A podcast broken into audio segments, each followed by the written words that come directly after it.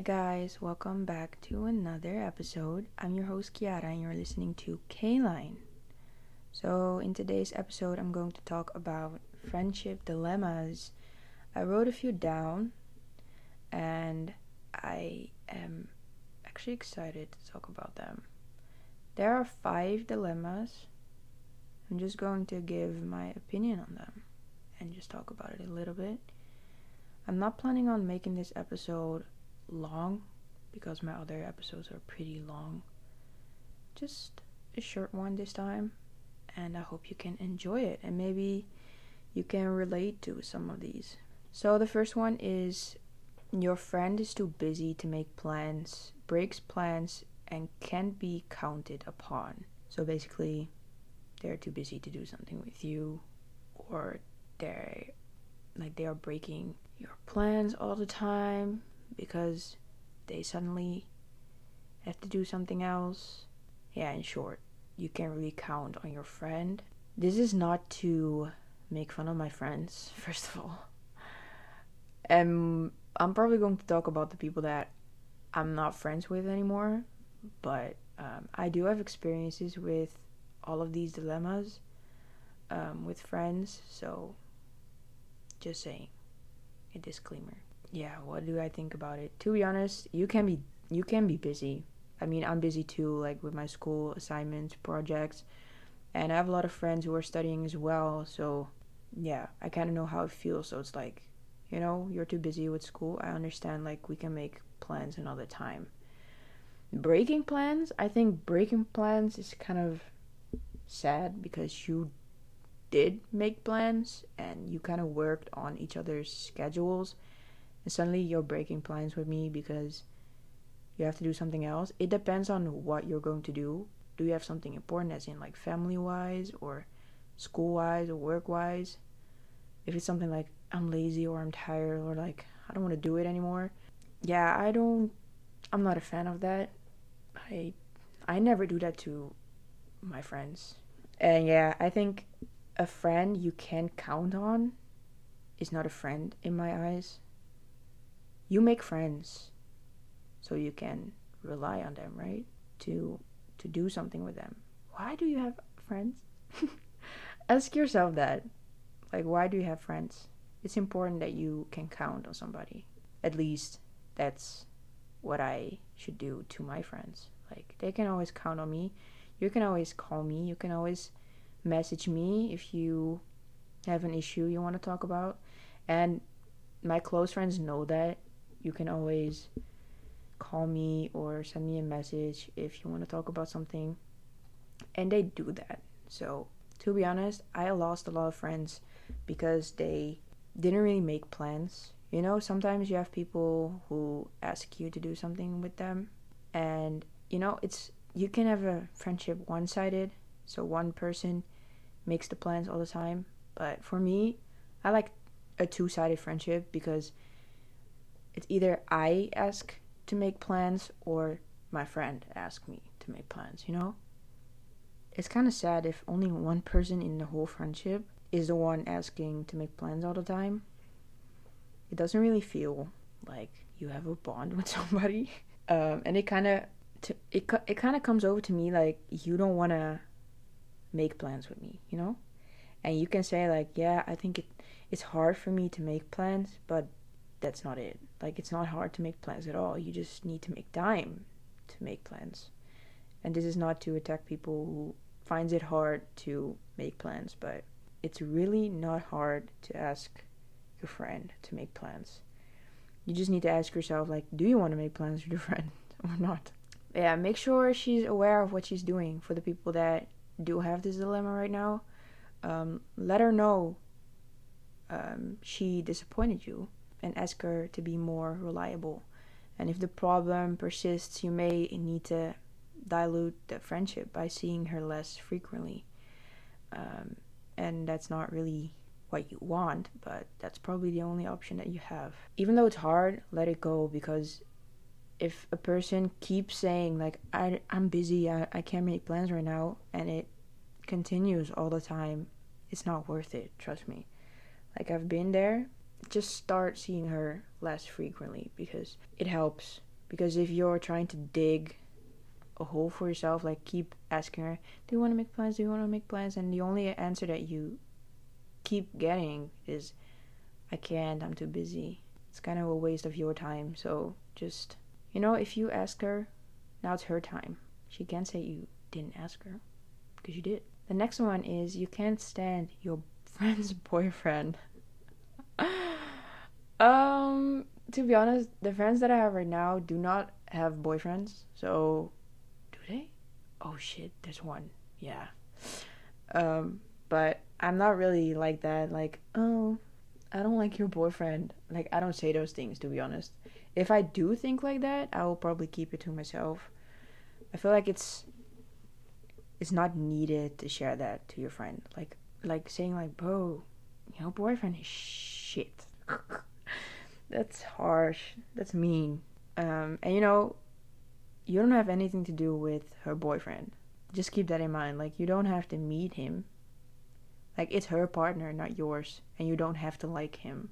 First of all, like you, you don't feel uh, obligated to like him because I don't really care if I would have a boyfriend. I don't care if people around me don't like him. I really don't. I'm the person that needs to like my boyfriend. That's why I'm in a relationship with him, right? And what attracts two people can be hard to quantify or understand. If you don't like her choice, try to carve out ways to spend time together with her without him. Like, don't feel like you need to spend time with her plus her boyfriend. You can say how you feel, but don't try to talk her out of the way she feels. Because um, that's not how you should talk to your friend.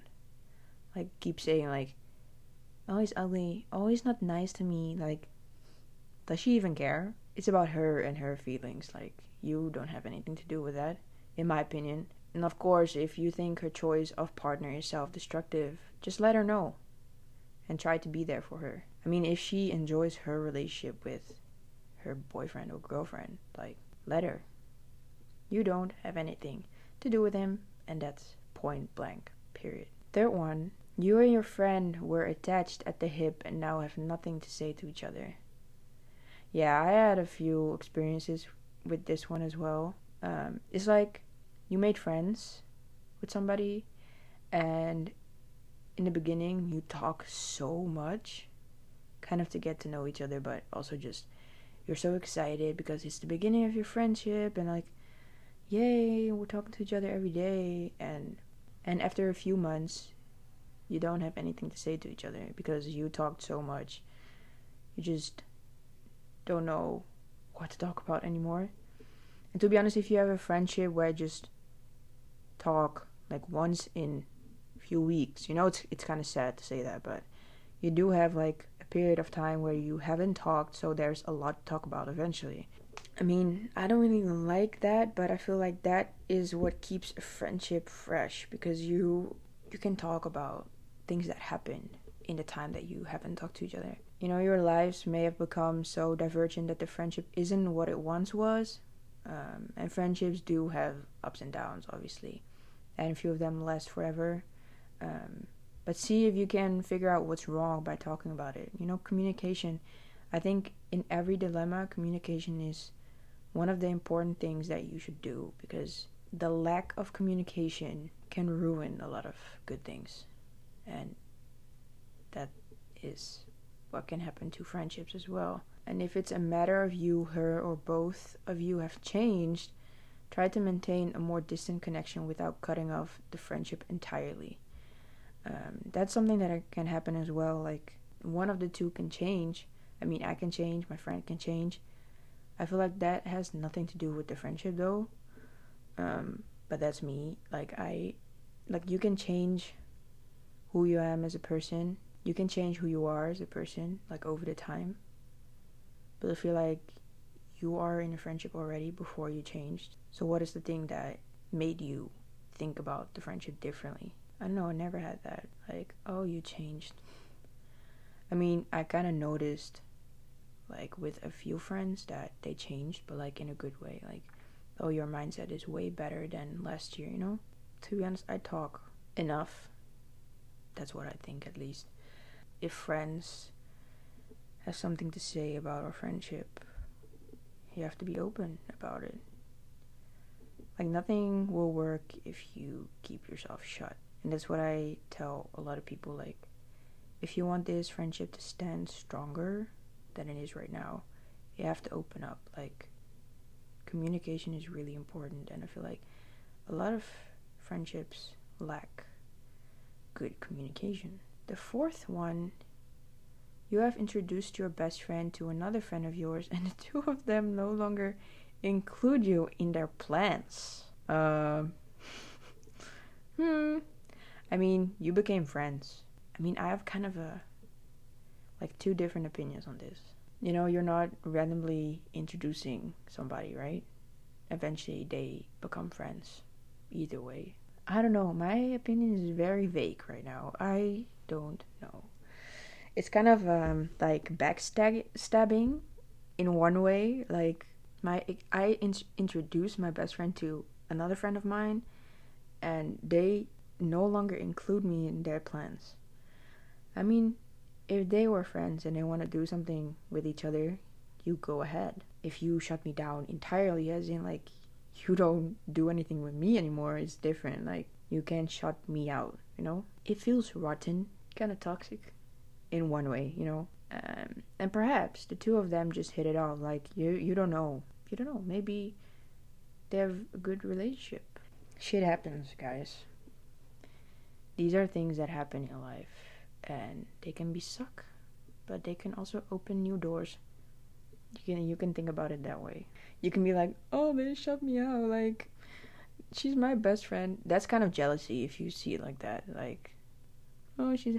But again two sided. Like it's kind of sad that you don't include me. Like bitch, I introduced you. like I introduced you to my friend. Yeah, you're you're not including me anymore. Another side is like you know you can do whatever you want, whatever plans you have with each other, but you can't shut me out entirely. And the last one that I want to talk about is your friend has dumped you without an explanation and you need closure. Closure is something that I always needed that never changed. Like closure is just something that makes sure you can move on.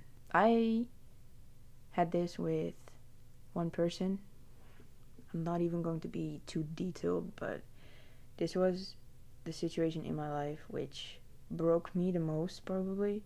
And this is going to be really personal, but, that's why I'm saying like I'm not going to be in too much detail. It was a few years ago, so it's not now. It was in the past, but we were best friends basically and she dumped me without explanation. And like the weird thing was that I was so broken that I just canceled the whole closure. Like I I didn't even wanted the closure. Like I was so done. I was just mad. I wasn't even sad. Like I was just frustrated and mad and I just couldn't believe it that it actually happened. I didn't saw it coming. I think that's definitely one thing. You know, after a friendship has gone south, it's it's nice when two people have a common understanding of what happened and why. But this isn't always possible. Mm, often friends don't give us that opportunity. You can let the dust settle and try to talk to her again, but you may need to achieve closure on your own by letting go and moving on. And that's what I did. I let go and I moved on and I made better friendships later on. And eventually those broke too. But right now, I have a few good friendships. I think that's really important to me. Like, I don't need to have a big circle. And it's something that I actually, when I was younger, I had a pretty big friend group. And right now, you know, I have college. I made friends in in my class and just online. You know, things happen and they will think about what they did wrong. At least that's that's what I hope. Maybe they were like, "Fuck her. I don't want to be friends with her anymore." You know, there are people who think like that, and you need to accept it. That's the world. The most unexpected can happen. These were all the dilemmas that I wanted to talk about. Do you have friendship dilemmas that you feel the need to talk about with somebody you can always send me a DM on my Instagram, and I love to talk to you about it. So don't think you're the only one with these dilemmas because trust me, I I have these dilemmas as well and I know a lot of people have it as well. So I hope you guys enjoyed this episode. If you did, you can rate my podcast if you like. I would appreciate it. And I will see you guys in the next episode. Bye.